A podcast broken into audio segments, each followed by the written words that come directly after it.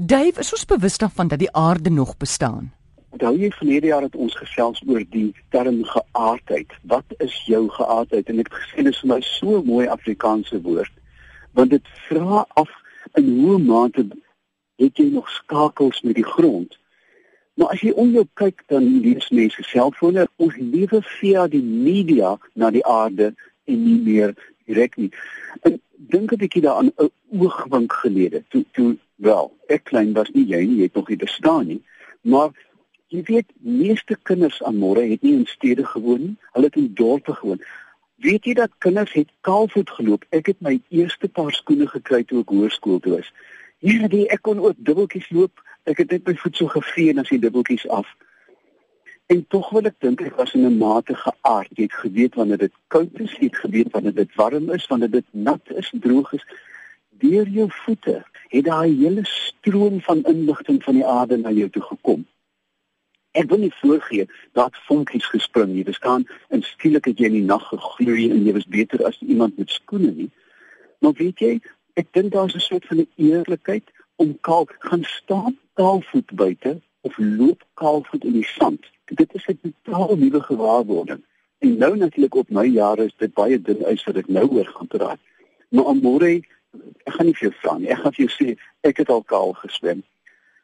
Is daar iets op aarde wat jou so 'n sin van vryheid gee as jy in 'n souterige brander kaal swem? Mm. Want jou hele liggaam is geaard. Jou hele liggaam is in kontak met die natuur om jou. Dis nie net die ou bikinietjie of wat. Jou hele liggaam is saam met die aarde. En nou dink ek 'n bietjie daaraan terug. Ek waarborg jou, ek stadsjafie kind wat wat nog nooit van beton af is nie. En môre en ek sit vir my modderbad maak en daai kind word op die plek hysteries van geluk. Het jy al 'n kind in modder gesien? Ja. Varke kan nie so gelukkig. Jy kyk 'n vark kan nie so gelukkig wees soos 'n kind in modder nie. Ek het eendag geskiet aan die groen program en my my twee dogters was effens opgespoel en het gesê, "Trek uit julle klere gaan spring in die modder." Wat het hulle gesê? Ek moes hulle net met so vier trek, moes ek hulle daar uittrek. Ek kon hulle nie uit die modder uitkry nie. Nou ja. Nou amore is dit glad nie nuut nie. As jy dink aan alle kulture oor die jare heen, is daar modderbaddens. Mense het in klippende modder gaan lê. Kyk, toe ek 'n kind was, het mense met dramatiek jeug, muurstene, kartaatjies, ingegroeide toenaals, wat ook al, het na 'n warmwaterbron toe gegaan. En daar het sous tannie se seekoeie gedryf in die oggend as dit lig geword het, want dit En ek sê daarvoor dit was goed vir hulle hoor. Mineraal water, ek gesê dis radioaktiwiteit. Ek sê nie om wat dit is nie. Dit was goed vir hulle. Dan begin mense lees in die kultuur van Afrika en daar's 'n boeiende skrywer met die naam van Patrice Somme. Is oor e met 'n streepie op en hy het 'n wonderbaarlike boek geskryf The Healing Wisdom of Africa. Hierdie man het 2 grade beide in die wetenskap, maar hy is ook 'n shamaan. Hy is ook 'n tradisionele healer. Nou, jy weet wat gebeur in Afrika, daar word 'n hoender met twee voete gebore, die hele dorp hou op hele weer in skree. Wat doen so my? Hy vat mevrou en Dingie Dingie wat heeltemal die kluts kwyt is. Sê bring jou graaf. Hulle stap die veld in en hy sê vir haar, nee, hom vir hy doen dit self nie. Grawe 'n gat so groot soos jy in kan lê. Die hysteriese antie maak 'n gat. Hy sê trek jou klere uit, mag die hemel ons behoed.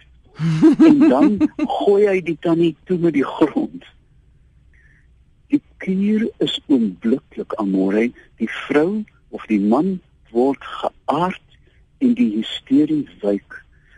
Nou, ek weet dit klink van dokter doktery, maar al wat ek wil sê amore, ons moet meer kaalvoet loop. Mm. Ons moet meer kaal swem.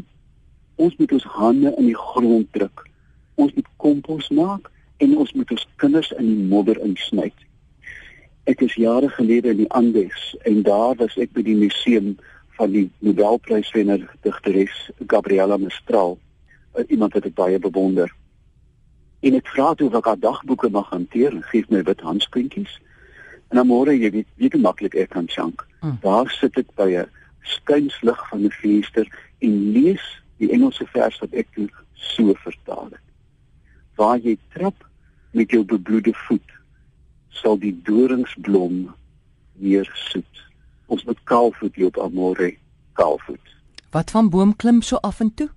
Maar natuurlik, kyk, heilige mense en mal mense klim bome. My tant Ella het so boom geklim op jare.